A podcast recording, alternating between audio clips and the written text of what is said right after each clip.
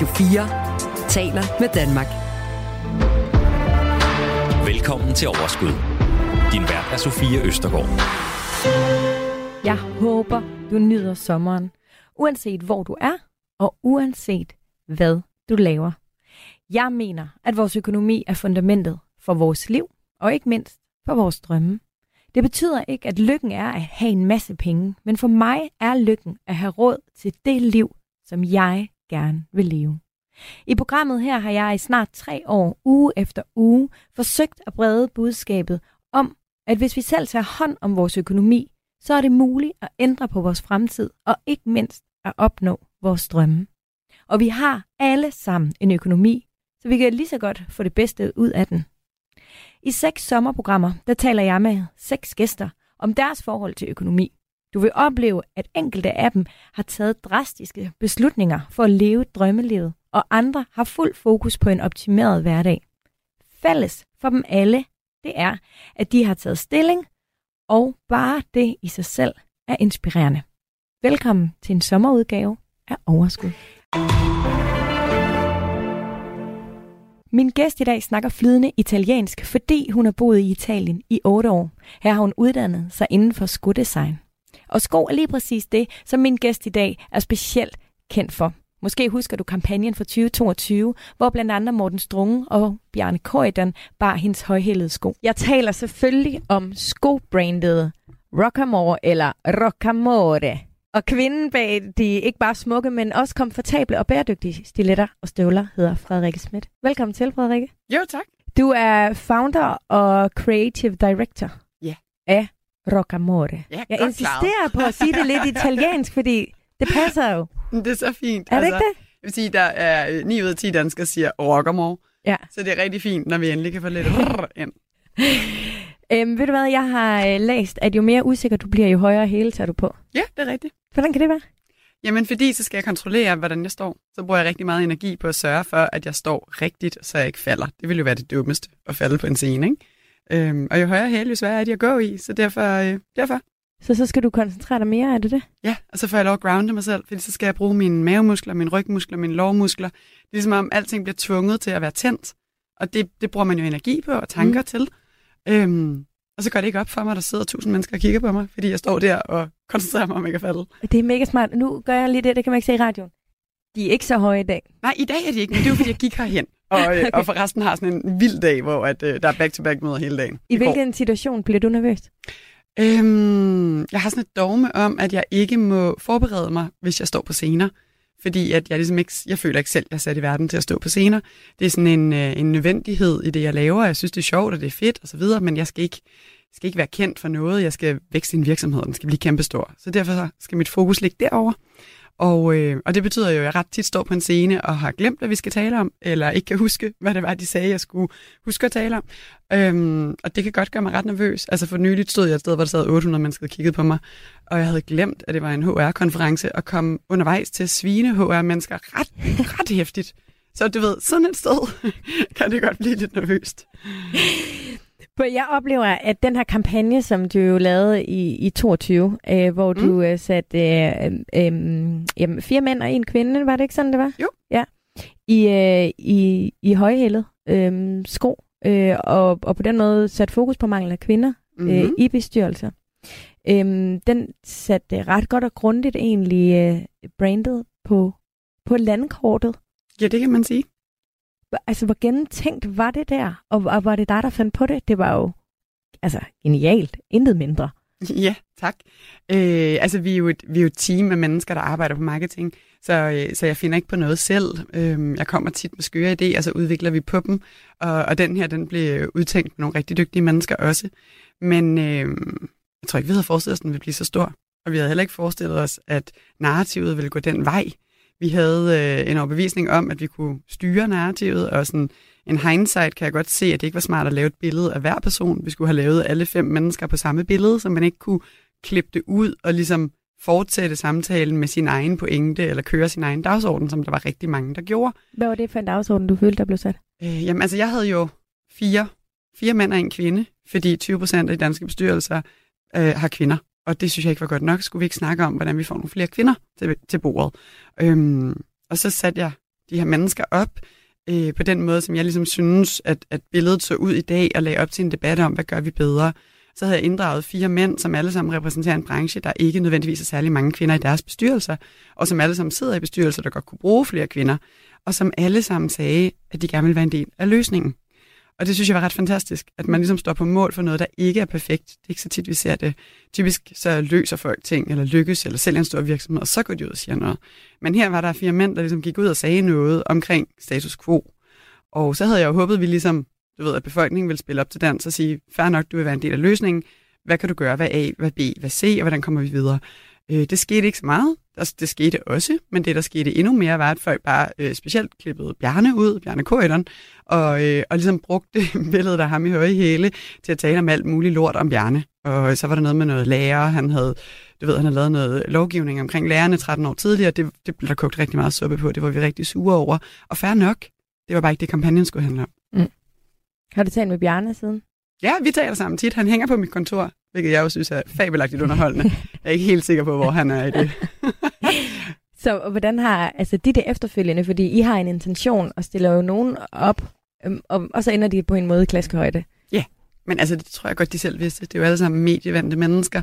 Så selvom ingen af os havde regnet ud, at kampagnen ligesom ville komme derhen, og samtalen ville, ville ende der, så var der jo ikke nogen af dem, som, som stod og rystede. Det var jo mig, der ringede helt tårvedet øh, faktisk til Bjarne lørdag morgen og var sådan, de hader os alle sammen, hvad skal vi gøre? Man, rolig, Frederik, rolig. Hvis ikke, øh, hvis ikke der kommer nogen reaktioner, så kan du ikke mærke, at du har lavet noget. Nej, det er også rigtigt. Og så ro på igen, og så lige, du ved, finde retningen, ikke? Ja, men mm. det var måske også første gang for dig, men han har jo prøvet det. Han har virkelig prøvet mange det mange gange. gange. Det er i hvert fald første gang for mig at blive så misforstået. Jeg tror, ja. det er det, der er sværest for mig. Hvis jeg har en idé om, at at jeg ligesom har sammensat en pakke, som fungerer pissefedt, at der så kommer nogen og splitter den ud i bidder og misforstår pakken. Det, det var virkelig svært for mig at acceptere. Øhm, vi lavede også et, øh, et øh, akademi, så sådan at, altså en ting er at lave en kampagne, men jeg kan godt lide, at man gør noget også. Så alle de kvinder, som øh, gerne ville sidde i bestyrelse, de kunne signe op til to dages gratis øh, bestyrelsesuddannelse, efter kampagnen var færdig. Og så publicerede vi selvfølgelig med lov deres navne, som man kunne, øh, fordi der er så mange mænd, der siger til mig, uh, jeg kan ikke finde en kvinde. Hvor, hvor skal jeg finde kvinder i bestyrelser? Mm. Og så havde jeg sådan, der, der, der var 500 navne på en liste inde på et URL på Rockamore siden. Så kan du gå derind og finde en kvinde, som rent faktisk har taget en bestyrelsesuddannelse og røve sig. Ved du hvad, vi øh, skal øh, lære dig øh, meget bedre at kende, mm-hmm. øh, og øh, det glæder jeg mig til. Øh, igennem otte spørgsmål, der skal vi kigge på din økonomiske profil. Ja. Øhm, og da vi henvender os til dig første gang, der skrev du faktisk, at du ikke rigtig har haft penge ind på livet øhm, før nu. Og hvad det betyder, det skal vi også blive klogere på øhm, lige om lidt. Men øhm, Frederikke, meget stort velkommen til. Tak skal du have. Nu skal du høre en historie om onkel Joachims skattejagt. Du kan selv følge med i din bog. Du skal blade om på næste side, når du hører denne lyd.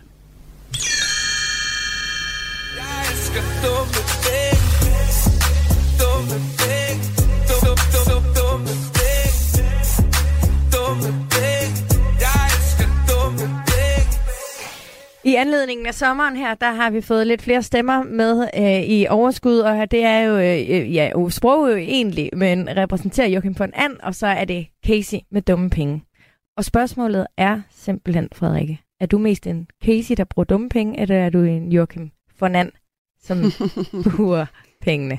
Det kommer virkelig meget an på temaet. Øhm, jeg er jo af den overbevisning, at penge skal købe frihed, og frihed er den eneste luksus, du har brug for.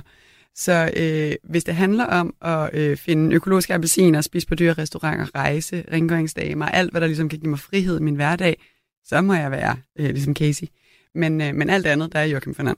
Altså, virksomheden skal være profitabel. Vi skal ikke låne penge af nogen. Man skal ikke skylde nogen noget. Og min mor har altid lært mig, at man skal ikke stole på blå mænd.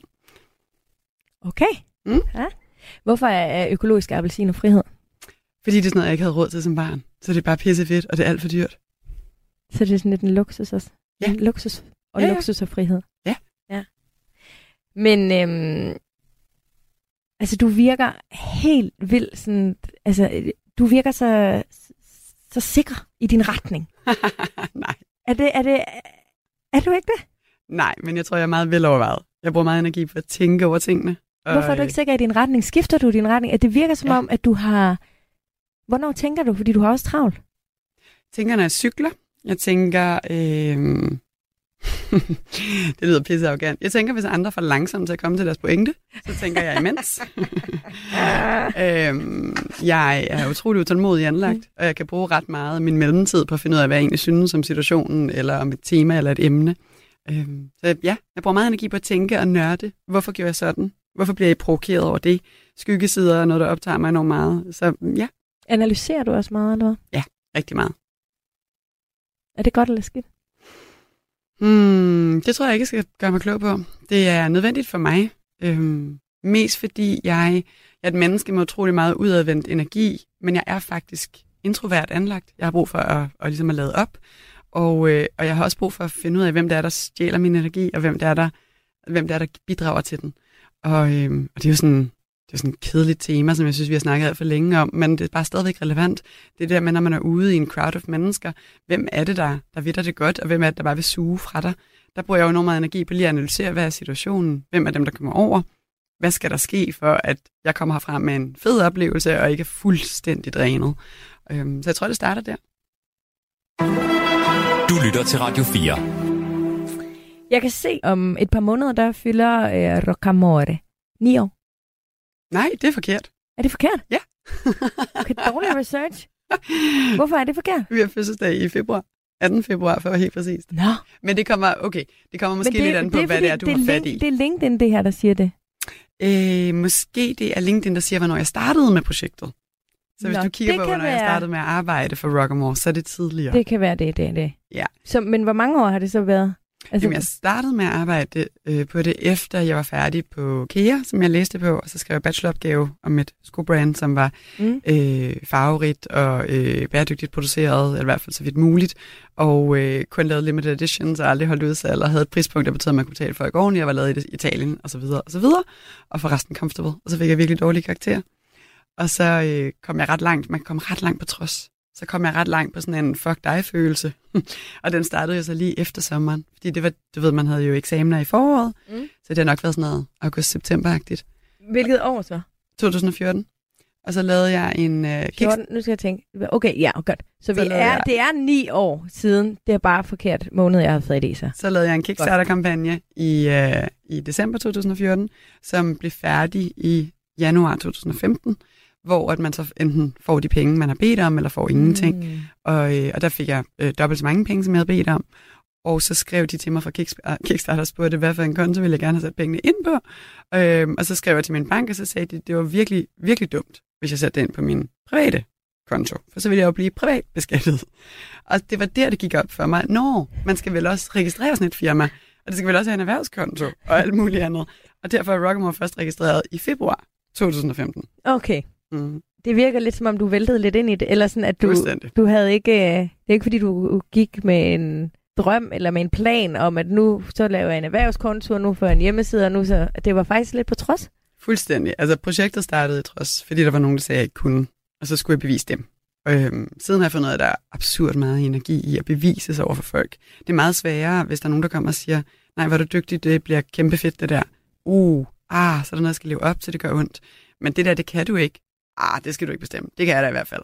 Der, der er meget mere sådan Har du fortsat den energi så? Altså, er det stadig den energi, du...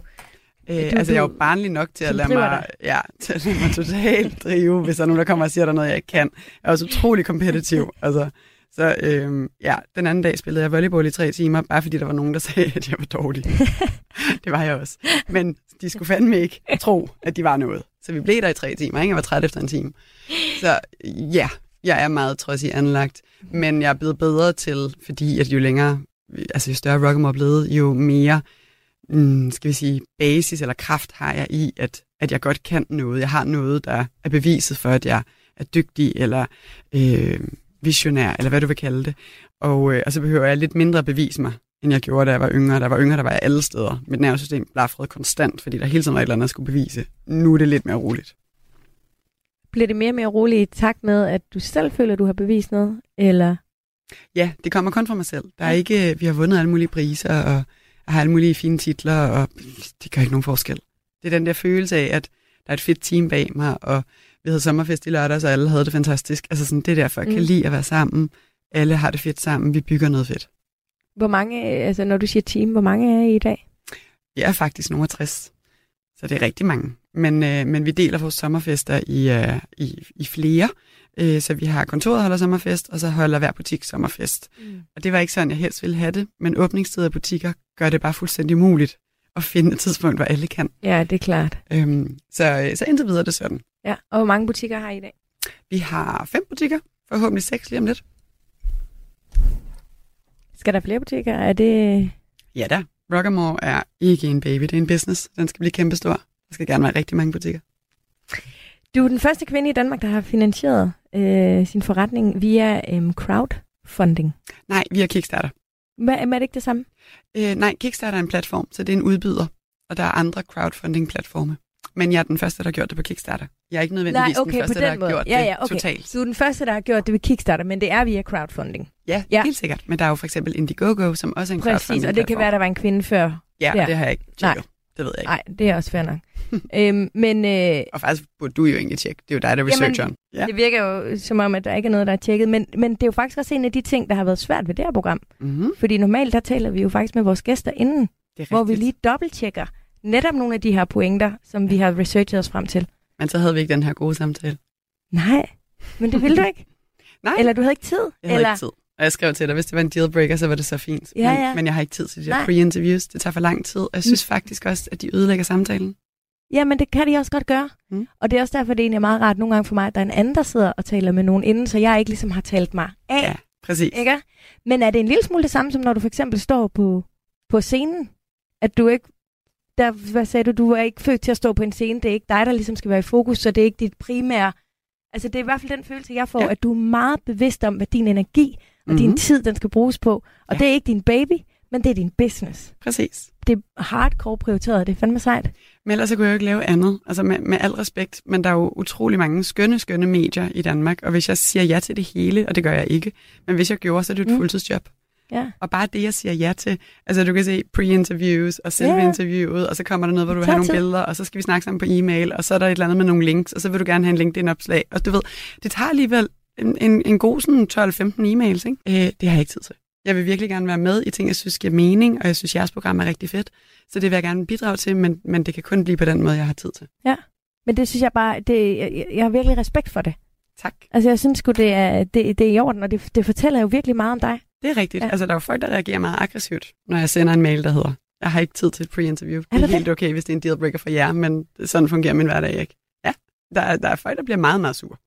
Men det er jo selvfølgelig, fordi der er nogen, der er bange for at så stå her og sige, at I har fødselsdag om et par måneder, og at øh, du er den første, der... Og så, altså, det er jo, og fordi det er jo ikke fedt. Nej, men, vi men det er jo også, fordi jo- Rockamore er en rodebutik, så der er jo alt muligt. Altså, det er jo ikke forkert. Nu driller jeg dig bare lidt. Nej, og det må du gerne. Men det er jo... Jeg synes jo, at snakken med dig er langt vigtigere Mm. for mig og for lytterne, end det er, om jeg så altså, kommer til at lige sige en enkelt faktuel forkert. Men det er da rigtigt. Jeg er da helt enig. Altså, man skal, er det ikke noget med, at man skal fejle sig til succes? Det har jeg i hvert fald gjort. Det har jeg stor, stor succes med. I hvert fald den første del af det. Nå, men, øhm, men fortæl lige, hvordan det her crowdfunding det øh, foregik. Ja, øh, altså nu er det jo otte år siden, så det er anderledes i dag. Mm-hmm. Eller faktisk er det jo ni år siden, blev vi lige enige om. Men, øh, men, øh, men det handler om, at du laver et projekt, og så lægger du det op på en platform, hvor at øh, du kan finde mennesker, som er enige i, at det her er et pissefedt projekt. Og så laver du det, der hedder pledges, som er øh, små, øh, jamen hvad kalder man det på dansk? Øh, pakker. Små pakker, du kan købe, og så koster de forskellige ting. Og en af pakkerne var så et par sko, men der var også pakker, der var, øh, jeg tror, vi lavede t-shirts og muleposer og nogle forskellige ting, tegninger, jeg havde lavet. Så kunne man købe det, man ville, øh, eller man kunne bare donere penge. Og så laver du en video og noget, ligesom noget marketingsmateriale, og så ser folk det igennem og synes, siger enten det er fedt, eller det ikke er fedt. Og hvis du får alle de penge, du har bedt om, så bliver øh, projektet succesfuldt. Hvis du får øh, 99% af de penge, du har bedt om, så får du ingen af pengene. Så det gælder virkelig om at sørge for at manage det der ordentligt. Ja. Og jeg havde bedt om 150.000, og vi fik, vi fik øh, 300 og, 330.000 kroner for 306 mennesker, som så enten havde købt sko eller ting, eller bare givet mig penge. Ikke? Og så, øh, jeg skulle så lave de der sko. Øh, det var også, jeg tror, det var 300 par, øh, som vi så tog først til Italien for at producere. Det kunne man så ikke, og så tog jeg til Spanien for at producere dem, og tænkte, at du ved, italiensk og spansk, det er nok nogenlunde det samme, så jeg kan da fint komme langt ja. med mit italienske i Spanien. Mm-hmm. Øh, det er overhovedet ikke det samme. Så det, det kom jeg ikke så langt med. Så jeg endte med at købe sådan en, øh, den første version af en iPad, og så øh, rullede jeg rundt på de spanske fabrikker og skrev ting ned på den der åndssvage iPad, og så bad den om at sige et eller andet højt, og var sådan en hørehæmmet knap for folk, der ikke kunne læse. Og så kom den ligesom op, og så sagde han et eller andet på spansk, og så håbede jeg bare, det var rigtigt. Sådan er hele den første produktion lavet. Og det 300 seks mennesker, hvor langt størstedelen af dem kender du jo. Der er jo ikke noget personligt forhold til dem. Det er jo ikke, Nej, altså, så mange mødre og fædre har man ikke, eller venner. Øhm, jeg tænker bare, at det må være en vild følelse. Altså, fordi der er jo så nogen, der tror på dig og på mm. projektet, så det er jo ikke i trods, at Nej. den du ligesom... Men kan man, har man så fornemmelse af, at man ligesom skylder dem at blive en succes, eller... Mm, nej, så langt tror jeg ikke, jeg tænkte. Nej. Min karriere er i høj grad bygget ud fra, at jeg sætter mig selv i kaos, og så er jeg rigtig god til at løse det. Men jeg er den vildeste procrastinator, så jeg kommer ikke til at gøre det, før jeg skal. Så det der med at planlægge ting og sådan noget, vil jo også ringe mig på, at jeg ikke forbereder mig til en tale. Hvorfor, går, hvorfor gik du ikke i banken og låne penge?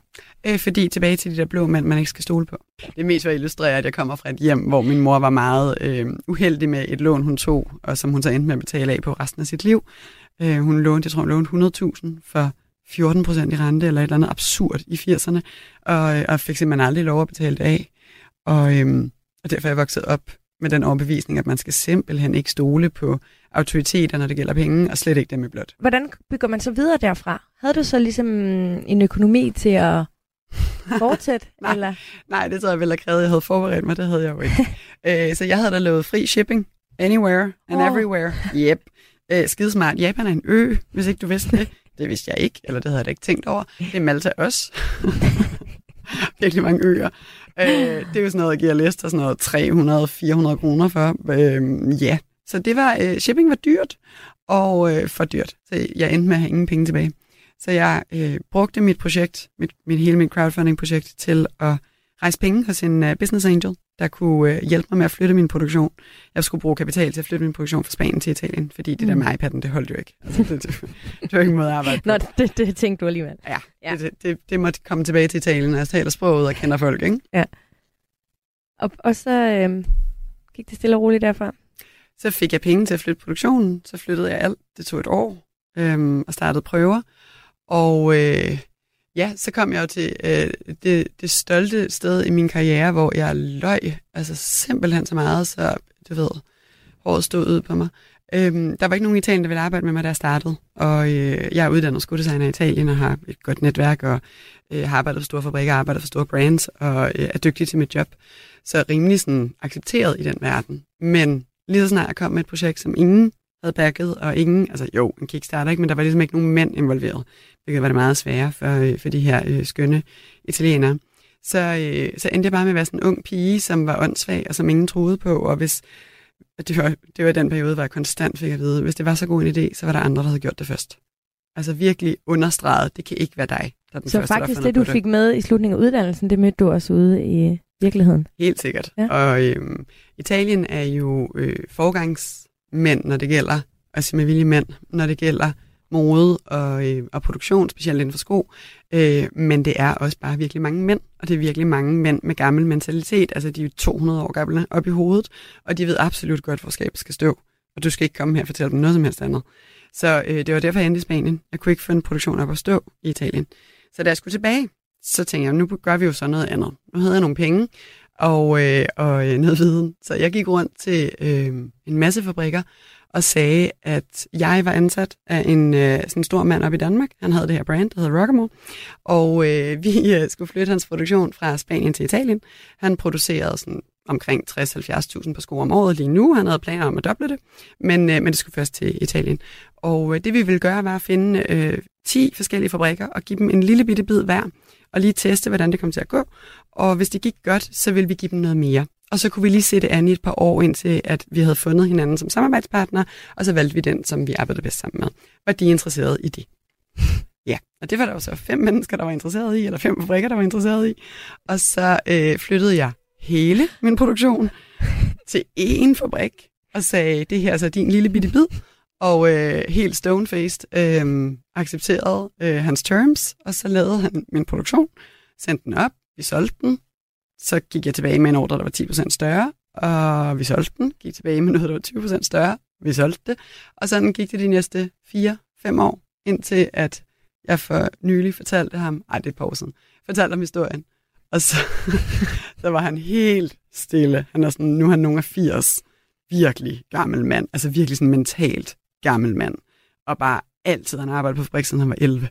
Øhm, så kiggede han bare helt stille på mig og sagde, det er fint, Frederik. Det behøver du aldrig nogensinde at sige højt igen. så har vi arbejdet sammen siden. Så i dag er jeg hans største kunde, og vi producerer stadig i den fabrik. En fantastisk historie, og hvor vil jeg bare elske at være der det øjeblik, hvor du fortæller ham øh, historien der. Det var som om alt blodet ligesom faldt fra hans ansigt. Er det ikke rigtigt? Ej, jeg tror, der var så mange modstridende følelser i ham. Sådan, fuck, jeg har lavet mig snyde, men hun er også min største kunde. Det gik jo godt. Ah. Ja. Ej, shit, mand. Mm. Øhm, prøv lige, vil, vil du være sød lige at forklare Business Angel? Mm. Altså, går, øh, ejer du på det tidspunkt øh, øh, hele business selv? Også? Hvordan foregår det med sådan en? Ja, øh, når du starter, ejer du det hele. Mm-hmm. Og så øh, jo flere mennesker du tager ind, øh, jo mere afgiver du af virksomheden. Så du afgiver en del af din virksomhed for en pris. Og ja. den pris bliver besluttet baseret på det, der hedder en valuation, som er øh, en værdisætning af din virksomhed.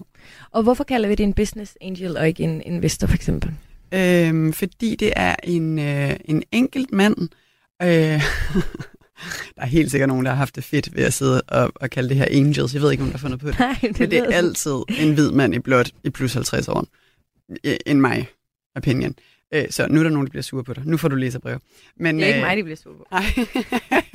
men, det, men det var altid samme type. Altså, og, og business angels, der er virkelig mange fede business angels, men der er også virkelig mange dårlige business angels. Det handler mest om, om mennesker, som har lavet deres eget overskud, som har lavet en exit, som har solgt et eller andet, som har fået nogle mm. aktier i en virksomhed, som ja. kan noget selv, der har tjent dem nogle penge, og nu investerer dem i noget så andet. Så i virkeligheden er det jo et andet ord for en investor, ikke? Jo, en investor har typisk flere penge. Ja. Så, så det har noget okay. at gøre med størrelsen. En det er også fordi, der er sådan noget lidt kærlighed over business angel. Det er sådan lidt, Nå, det er ikke sikkert, at jeg helt tror på projektet, men jeg er jo en engel, der kommer. Jeg er, sådan er det ikke rigtigt? Jo, lige det, er sådan, det ligger lidt i ordet. Sådan. Ja, og så er det mindre penge, ja. og jeg gør det mere, fordi at jeg synes, det er sjovt, og jeg typisk ja. gør jeg det, fordi jeg gerne vil hjælpe dig.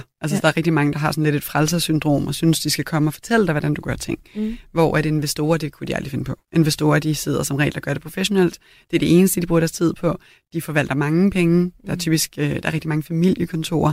Det betyder, at der er en eller anden stor familie, der tjener en masse penge, for eksempel dem, der er bag Lego, og så sidder der nogle mennesker, eller et menneske, typisk nogle flere, og forvalter de penge. Mm. Det er så en investor, du ved. De laver ikke andet end at kigge på virksomheder, lave due diligence, læse decks og ligesom valuere. Har det altid ligget i korten, at du vil være selvstændig? Aldrig nogensinde. Øh, hvis du spurgte mig de første fire år, så var jeg ikke iværksætter. Det her var bare noget, det var bare et eller andet, jeg lavede. Det var bare en hobby. Det var bare noget, vi legede. Hvordan har du det i dag med det? Øh, nu er der så mange mennesker, der kalder mig iværksætter, at jeg har accepteret det. Men altså, det, det er et udefra pres. Det er Hvad kun, det, fordi er folk det, bliver ved med at sige det. Er det et trælsord, iværksætter? Nej, det synes jeg ikke. Kvindelige iværksætter er trælsord. Men iværksætter er okay. Det er bare ikke nødvendigvis mig. Altså, jeg har det som om, jeg er faldet ind i det. Jeg, jeg synes egentlig mere, jeg er problemløser. Tidligere der sagde du det her med, eller det, det var i virkeligheden mig, der sagde det, øh, men jeg, jeg fortalte, at du havde sagt, at du, du, du ikke... rigtig god måde at lave et interview på. at du ikke har øh, egentlig haft sådan penge ind på livet øh, mm. tidligere. Hvad er det for... Øh, altså, hvad er det for en opvækst, du kommer fra? Jeg er vokset op i 80'erne, i 80'erne, som folk kalder det. Øhm, jeg er det eneste barn af en enlig mor, og øh, hun var 26, da hun fik mig og læste. Så, øh, og hun var den første i sin vennekreds, der fik et barn. Øhm, så jeg har altid været blandt de voksne, og altid været, øhm, jeg har altid ligesom været det eneste barn, og, og samtidig også været altså, meget hurtigt lært at være mig selv, og tage ansvar for mig selv, øhm, fordi det bare ligesom var kun os to.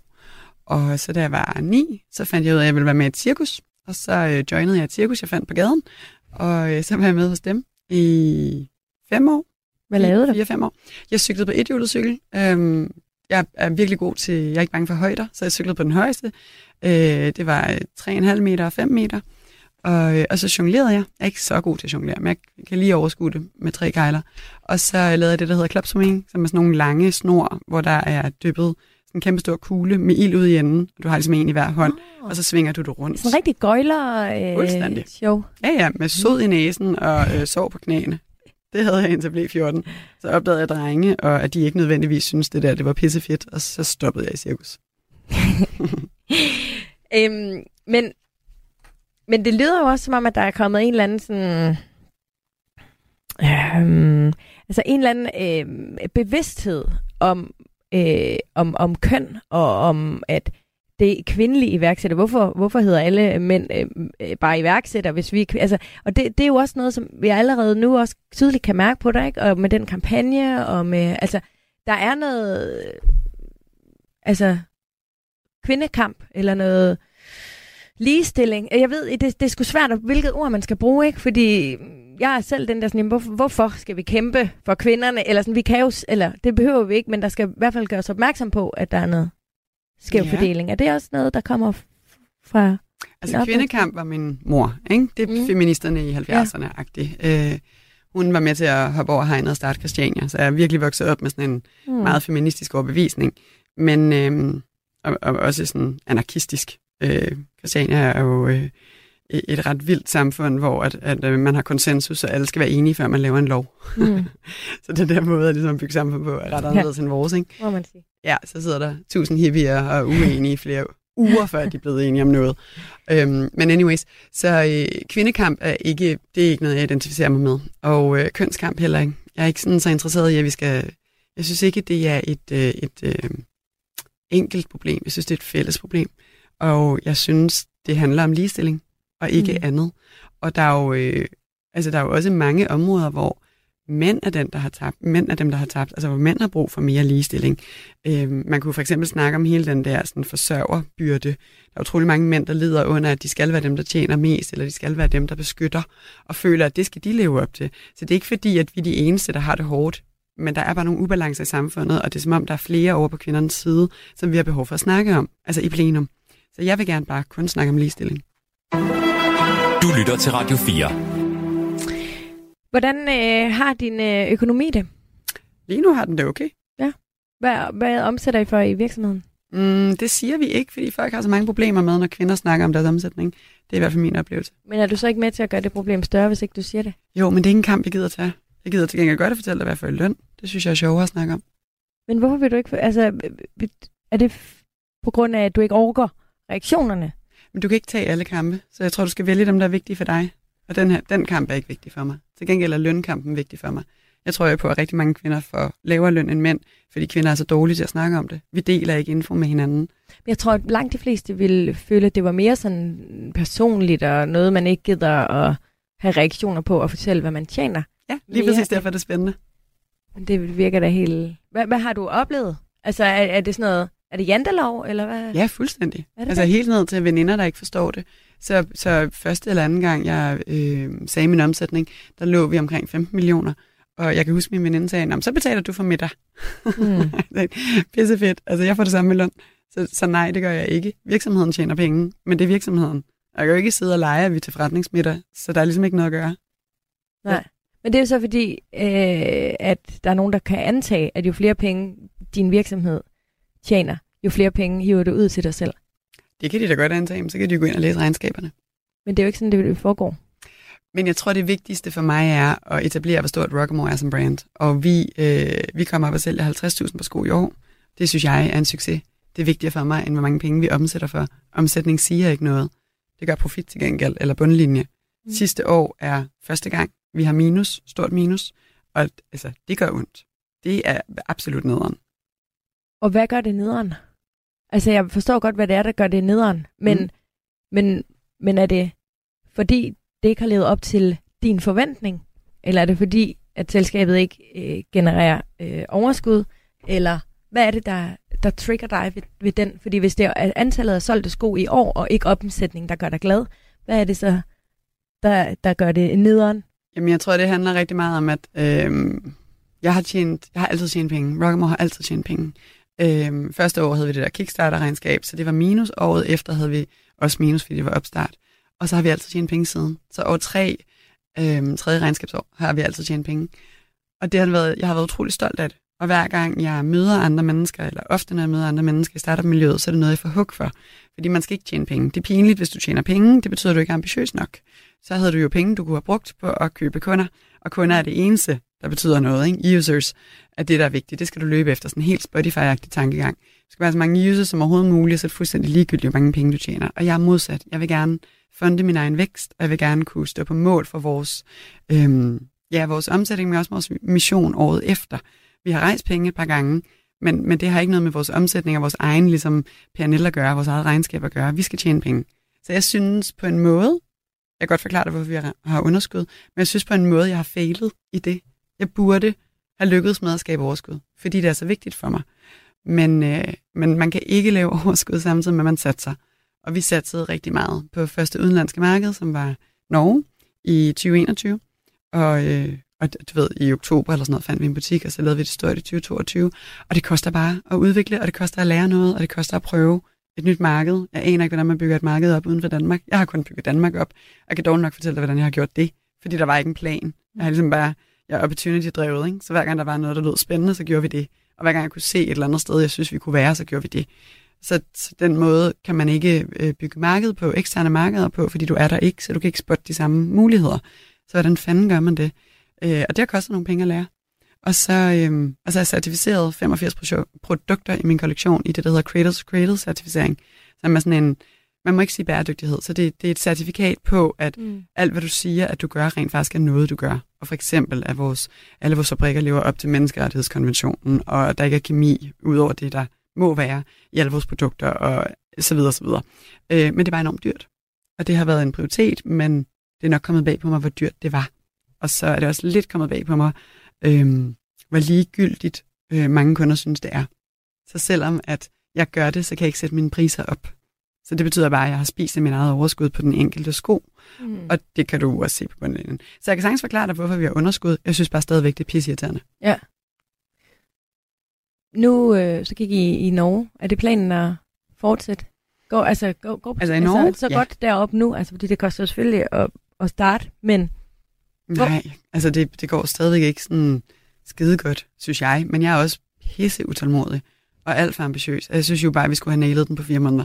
Og det, det kan man jo ikke. Altså, så det går hele tiden lidt bedre. Hver måned går det lidt bedre, og vi får lidt flere kunder, og lidt mere salg, og lidt mere attention, og lidt flere speaks, og lidt mere konferencer og events osv. Så, videre. så det går hele tiden lidt bedre. Jeg synes bare, det går for langsomt. Men er du så bevidst om din utålmodighed? Fuldstændig. Det, det er ikke mig, der driver hende, der driver... Altså, vi har en country manager, og det er ikke mig, der snakker med hende, fordi så havde jeg da, du ved, givet hende stress allerede, fordi jeg bare sådan, kom nu, hurtigere, hurtigere, hurtigere. Hun gør det så godt, hun kan. Og hvad er planen efterfølgende? Skal I til andre lande? Ja, det tænker jeg. Øhm, altså, jeg, jeg vil meget gerne. Nu er det svært ligesom, at holde fast i, hvad missionen er, fordi at den her krise har smadret rigtig meget. Men, øh, men ellers har missionen altid været 15 butikker i fem hovedsteder inden for de næste tre år. Så der er, der ligger, det ligger i det ris, men, men vi har ligesom været sat på pause i 2022, og det bliver vi nok også lidt i 2023. Det kommer an på, hvor meget inflationen har at sige. Mm. Hvornår vidste du, med, øh, med Rockamore, at du kunne komme til at tjene penge på det og leve af det? Altså, hvornår troede Aldrig. du? Det har jeg stadigvæk ikke fattet. er det rigtigt? Ja, fuldstændig.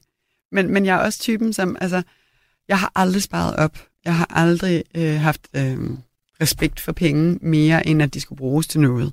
Og øh, jeg har altid været bartender, for eksempel. Så hele mit, øh, jeg blev ansat som bartender, da jeg var 16, fordi jeg løg mig til at være 18. Øh. der er mange af dine succeser, der bygger på, på lov. Ej, der er et par stykker. Der er et par stykker. Okay, mange er måske også lidt voldsomt sagt, men jeg har hørt om to indtil videre. ja, øh, men altså, han kunne da bare have tjekket. Det er da ikke svært at slå mit cpr op. Eller du ved, tælle til 83, som er det, jeg er født i. Øh, men øh, men så, så det var ikke fordi, at jeg øh, direkte sagde, at jeg er 18 år gammel. Jeg sagde bare, at jeg kan godt være bartender. Og så fik jeg jo mit, mit CVR på nummer på min lønseddel. Der var aldrig nogen, der tjekkede. Men så jeg var bartender, og, og det har jeg så været alle, alle år, indtil jeg blev 4-25. Og føl, det fede ved at være bartender, det er, for det første er jeg rigtig god til det, og for det andet øh, kan du altid se flere vagter. Du kan altid finde mm. nogle vagter. Og at, du ved, den der vagt fra klokken 2 til klokken 6, den er der ingen, der gider have. Så du, og den betaler som rent dobbelt. Hvis du arbejder et sted med en ordentlig overenskomst i hvert fald. Øh, så du kan altid tage den vagt. Så jeg har virkelig sådan i mine teenageår øh, opbygget den der fornemmelse af, at du ved, hvis jeg mangler penge, så kan jeg altid bare tage en vagt mere. Og den sidder fast i mig i dag, ja. selvom at jeg ikke er typen, der mm. går ned og øh, jeg, arbejder, jeg arbejder på et tidspunkt på McJoy's nede i Nyhavn. Øh, der står jeg ikke længere. Så det er ikke, fordi jeg går derned og tager en nattevagt, men jeg har bare stadigvæk følelsen af, at Jeg bestemmer selv, hvor mange penge jeg har. Jeg kan altid få det til at lykkes. Jeg kan altid finde en udvej. Så jeg er ikke sådan, Nej. Jeg er ikke bange for ikke at Det er have lidt penge. din, din, uden at den er, det er din plan B, uden at den er sådan konkretiseret. Men så har du, jamen det kan jeg altid. Jeg kan altid få det til at lykkes. Og øhm, jeg er vokset op på en sten, og det tror jeg er en kæmpe fordel. Jeg, det er ikke vigtigt for mig at have, at have meget plads og pæne møbler, og jeg, har, jeg troede, jeg skulle være tøjdesigner engang, så jeg syr alt mit eget tøj. Og altså, du ved, nu lever jeg min egen sko. Så det, det er ikke så svært. Jeg bruger mine sko som currencies. Jeg bytter mig til ting, uden så jeg ikke behøver at betale for penge. Altså, du ved, jeg kan hurtigt indrette mig, så det kommer til at give mening. Og øh, min kæreste og jeg boede i fem år på 48 kvadratmeter på Christianshavn. Det kan sagtens lade sig gøre. Du lytter til Radio 4. Hvordan tjente du dine første penge? Øh, det var i et solcenter, da jeg var 14 år gammel. Jeg gik rundt og øh, satte øh, jobopslag op øh, på, eller jobsøgningsopslag hedder det vel, øh, på diverse små øh, businessdrivere, øh, øh, businesses øh, virksomheder i, øh, på Christianshavn, hvor jeg voksede op. Og så var der en af dem, der sagde, ej, hold op med det, du kan da bare komme og arbejde for mig. Og han havde et solcenter. Så kom jeg og arbejdede for ham. Kan du huske følelsen af at tjene de penge? Nej, igen, det var jo fordi, jeg skulle bruge dem til noget bestemt. Altså, så Hvad jeg skal kan du bruge dem til? Øh, jeg skulle have den der meget, meget pæne hvide top, som, øh, som Sandra fra balletklassen havde, og som jeg ikke havde råd til. Så det var den, jeg skulle have. Når du altså, bruger penge i dag, altså, jeg er med på, at du siger, at du, det lyder, altså penge betyder ikke så meget for dig, men det har jo alligevel øh, betydning for dit liv i forhold til din frihed. Fuldstændig. Hvordan, øh, hvordan, hvordan, hvordan tænker du over, hvad du bruger dine penge på i dag? Altså, hvad, hvad, hvad betyder noget for dig? Altså, jeg, jeg er typen, der simpelthen ikke kan komme mig over det, hvis vi betaler for et meget dyrt hotel, eller en, øh, sådan en øh, spa-oplevelse, og den er dårlig. Jeg kan simpelthen ikke, altså jeg, kan sådan, jeg får Ja. næsten tømmermænd over, hvor nederen det er at have brugt penge på det der. Øhm, så jeg er, meget, jeg er meget svær at tage ud til nogle treats af den der slags, fordi jeg har så høje krav til de der hoteller. Øhm, så jeg har bare lært ikke at bruge så mange penge på hoteller, fordi det kan næsten aldrig leve op til det. Vil hellere bare sove for 700 kroner i et Ja. landskab. Det er fint. Men, øhm, men frihed er nok, altså middage og rejser og ting, der gør mig glad, det bruger jeg fint penge på. Ingen problemer. Øhm, hvad skal jeg ellers sige? Jeg græd, da vi øh, købte en ejerlejlighed, fordi jeg følte, at, at nu var jeg blevet lænket fast til et eller andet, jeg aldrig kunne komme derfra. Jeg havde sådan en total hyper meltdown, kan jeg huske, da vi fik nøglerne. Og min kæreste med berolige mig, og var sådan, det er okay, vi kan sælge den igen. Men, Nej, vi kan ikke. Nu skal vi være her resten af vores liv. Og hvor gammel var din mor, da hun tog det lån, som har sat sig i dig? Øh, Så du- 26. Så 7, 27, deromkring. Det, hun skulle bruge det til et depositum, det bla, et depositum øh, til en lejelejlighed. Det var på 100.000 kroner. Vildt, ikke? Og det ødelagde hendes liv, øh, Mm. finansielt Men det er jo din mors alder. Hvor gammel var du? Hvor gammel er jeg? Jeg er to år. Og du kan stadig, altså med på, at du kan måske ikke huske, hun optog lånet, men det har fyldt så meget i sådan hele din mors økonomiske fortælling. Ja, fordi Derfra. hun havde et godt job. Hun arbejdede i Nationalbanken og havde en høj stilling. Men alt hendes overskud, det gik til at betale af på det der lån. Så vi, jeg voksede stadigvæk op, uden at vi havde rigtig penge. Altså min mor havde dagsbudgetter.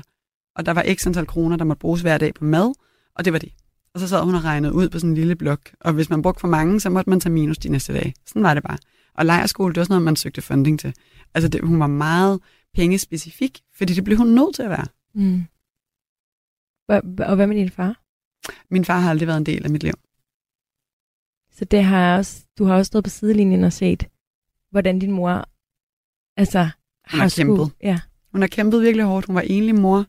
Øhm, hun havde ikke et godt forhold til sin familie. Hun var helt alene. Og hun lykkedes alligevel med at skabe et godt liv for mig. Vi boede på Christianshavn. Vi havde en lejlighed på 70 kvadratmeter. Hun havde et godt job. Øhm, jeg havde øh, en fantastisk barndom. Hvis du snakker sådan in terms of, du ved, venner og øh, skole. Og jeg blev mobbet øh, på Christianshavns skole. Jeg tror, det nåede at ske en gang, så flyttede hun mig til øh, Ingrid Jespersen, som er en privatskole, som hun betalte for, så hun lykkedes med sådan at finde penge til, at jeg skulle i hvert fald have en uddannelse, som, mm. øh, som var vigtig, og jeg skulle i hvert fald ikke mobbes. Altså hun har altid beskyttet mig, og hun har altid bygget et trygt liv op. Men det der med ikke at have penge, det, det har jeg mærket, siden jeg var lille. Og det har formentlig påvirket dig i forhold til, hvordan du bruger pengene nu. Ja, dag. og jeg vil jo sige, det er jo en af grundene til, at Rockamore har tjent penge altid indtil sidste år. Øhm, jeg er slet ikke kommet over det. Jeg er stadigvæk ikke kommet over det. Vi har lige afleveret årsregnskab, og jeg har simpelthen så irriteret over det. Men, øh, men vi har altid tjent penge, fordi jeg har været så god til at passe på dem, og ikke bruge penge på noget, som, altså, som ikke skal bruges penge på. Kender vi nogen i området? Har jeg en ven, der har en lejlighed? Er der nogen, der kan køre for os gratis? Altså alt, hvad der sådan kan hostles til, det bliver der hostlet til. Mm. Du lytter til Radio 4. Hvad var dit sidste køb? Hvad har du sidst sådan brugt penge på? Altså, det, altså rigtige penge, det må nok være... Ja, det må nok være min lejlighed. Nej, det kan ikke passe. Hvad hvis du bare tænker tilbage et par uger? Hvis vi, det, vi siger, ud over dagligvarer. Øhm, jamen, så er jeg... Det er måske nogle år siden, men, men jeg er meldt ind i en... Øh, jeg er med i sådan en stop, altså stand-up paddleboard klub, og en klatreklub. Og det er ret fedt. Det bruger jeg penge på. Jeg bruger også penge på det udstyr, man skal bruge. Det koster ret meget. Jeg lige købt sådan noget, en speciel, øh, nogle specielle klatresko. Mm. øh, som var åndssvagt dyre, synes jeg, for at være klatresko. Men, øh, men tilbage til frihed, jeg synes, det er virkelig fedt at klatre. Og, øh, og det er sådan en god sport, man kan lave sammen, når man er et par, fordi du battler mod din egen kropsvægt. Så det er fuldstændig ligegyldigt, hvor mange muskler min kæreste har. Jeg kan mm. stadigvæk være lige så dygtig som ham. Så det er sjovt. Og det samme med SUP, det er også din egen kropsvægt. Så det er også sjovt. Så det har jeg brugt penge på. Så nej, sidste gang jeg brugte noget, altså sådan åndssvagt penge, det var fordi, øh, jeg fik et flip til påsken. Jeg kan, tror, det var dårligt vejr. Og så blev jeg bare, jeg kan huske, jeg blev så fucking pissed over at være i Danmark, at jeg insisterede på, at vi tog til Italien. Hele min svigerfamilie er i Italien. Og vi tog ned til dem. Og de eneste billetter, jeg kunne få, det kostede 10.000 kroner. Og det er absurd åndssvagt at bruge 10.000 kroner på flybilletter til Rom. Altså det er sådan noget, der plejer at koste 200 kroner. Ja. Øhm, men jeg var ligeglad, ville bare sted. Så det, det er et meget godt eksempel på, at det er alt, alt, alt, alt for mange penge. Men jeg ville bare sted. Er du god til så at sætte en streg over og sige, det betyder mere for mig at komme afsted, end det gør at have de 10.000 kroner på min konto? Ja, men også fordi, at jeg laver et regnestykke indvendigt, der hedder, vi bor jo hos familien. De har, en, de har tre huse, så vi bor i en af de der huse. Øhm, og så vi skal ikke betale for et hotel, og vi skal ikke betale for mad, fordi at italienske forældre, altså hvis der er noget, de kan, så er det at lave mad. Mm. øh, og man får ikke lov at betale for noget. Så jeg skal ikke bruge penge under mit ophold. Vi er der i lidt over en uge. Det går cirka ud med det samme, hvis jeg skulle en uge et andet sted hen. Så havde jeg jo brugt 10.000 kroner på det hele. Er der, hvad, hvad er de mest irriterende penge, du sådan bruger til dagligt? Som du ikke kan slippe for? Dagligt? Altså, jeg kan virkelig ikke slippe det der med dårlige oplevelser. Vi var på en meget, meget øh, fin, ikke så dyr, men sådan semi-dyr nok restaurant, hvor de behandlede os helt af lorten til. Øhm, det tog en time, før vi fik hver ret, og vi endte med at sidde sådan en treretters menu, som var forudplanlagt. Altså man kunne ikke ligesom bestille den, så de vidste jo godt, hvad de skulle servere. Øhm, men jeg spiser ikke ost, og det var jo bare, bare ramaskrig at fjerne ost fra det der mad. Og, øh, og vi endte med at sidde der i fire timer, og alligevel betale over 1000 kroner per person. Det, det, er sådan, det er flere måneder siden, og jeg kan stadigvæk være sur over det. Hvad gør du så? Altså, betaler du bare, smiler og smutter, eller...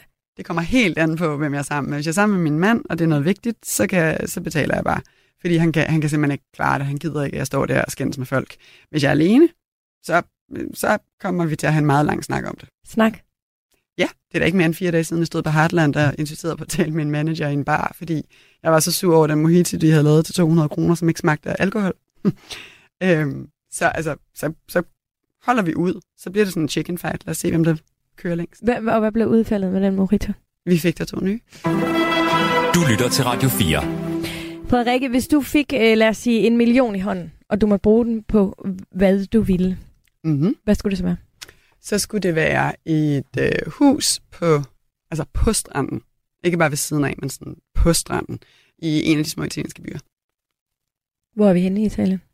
Øh, fra Rom og ned efter. Der ligger ret mange skønne strande. Og der er flere af dem, der har sådan nogle små bjælkehytter, som man kan lege om sommeren. Mm. Og så sidder de på stranden. Det, det er bare for fedt. Er det helt... Jeg har en lille lejlighed i Calabrien.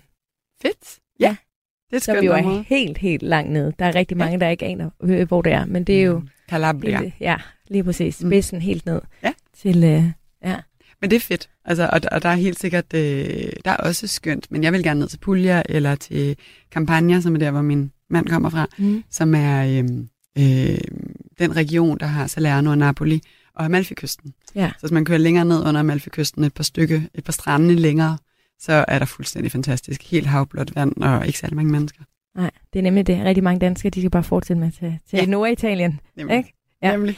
Øhm, jeg har et indtryk af, at selvom du fik øh, de penge i, mellem hænderne, så vil du ikke ændre øh, livet.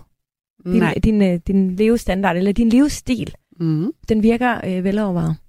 Det er den også. Altså jeg vil sige, øhm, jeg har for nylig brugt penge på en personlig træner, øhm, og hun møder op to gange om ugen på mit kontor, hvor der nu står tre kettlebells, og vi træner sammen.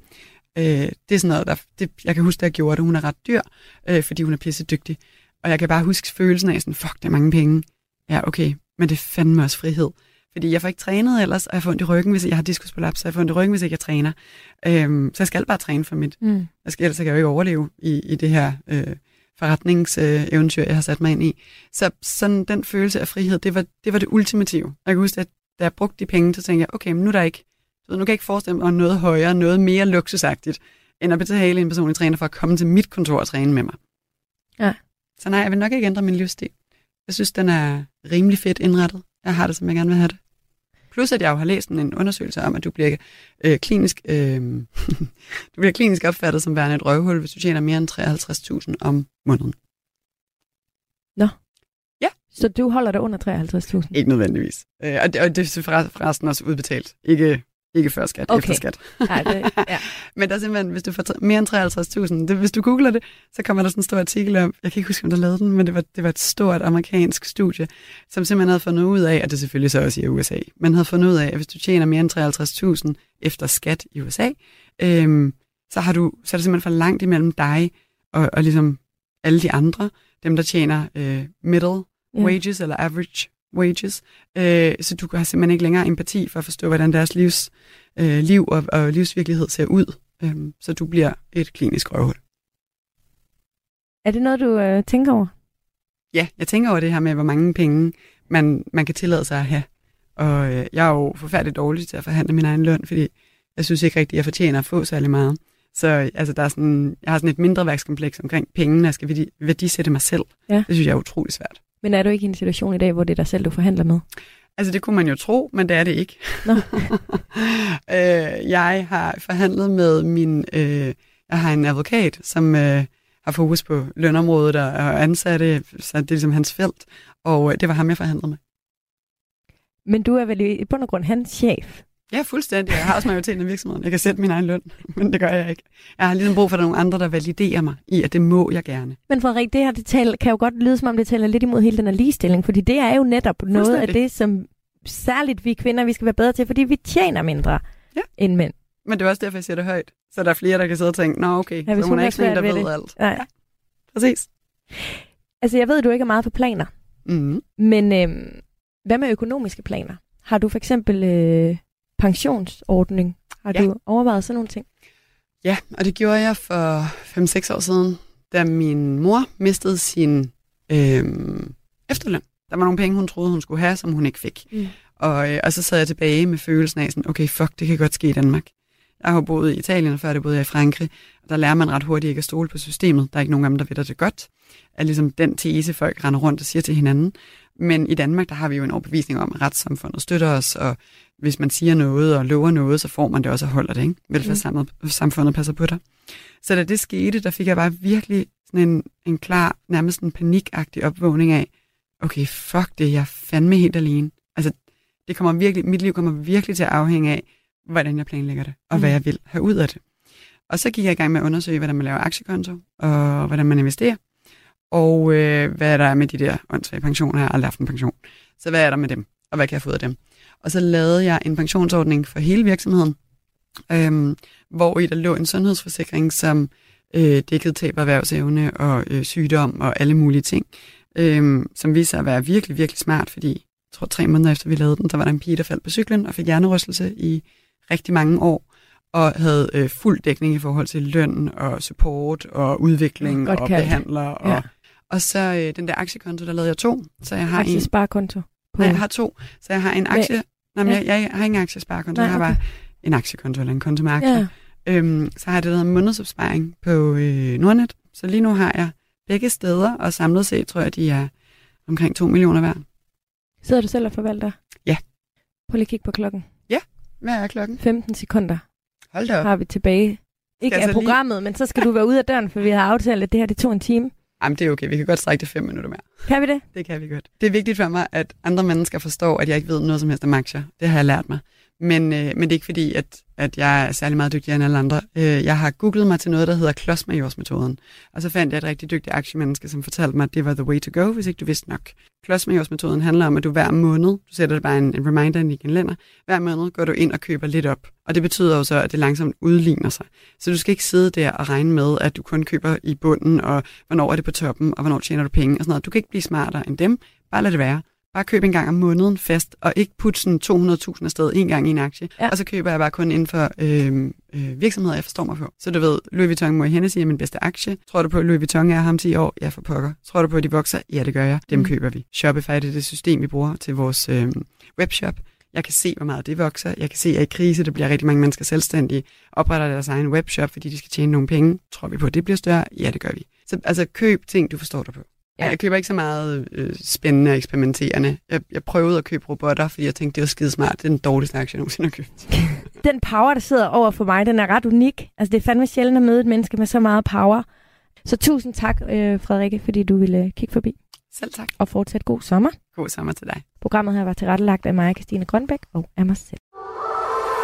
Musik er en hurtig genvej til at komme ind bag facaden. Hvis man skal sige essensen af, hvem er jeg, så er det de samme. Ind bag den offentlige person. De synger også irriterende godt. I Portrætalbum bruger Anders Bøtter musikken til at vise nye sider af sine gæster. Gita Nørby, Tim Christen, Sofie Gråbøl, Anders Akker, Allan Olsen. Både dem, du er fan af, og dem, du ikke troede, du havde noget til fælles med. Velkommen til Portrætalbum. Lyt til Portrætalbum i Radio 4's app, eller der, hvor du lytter til podcast.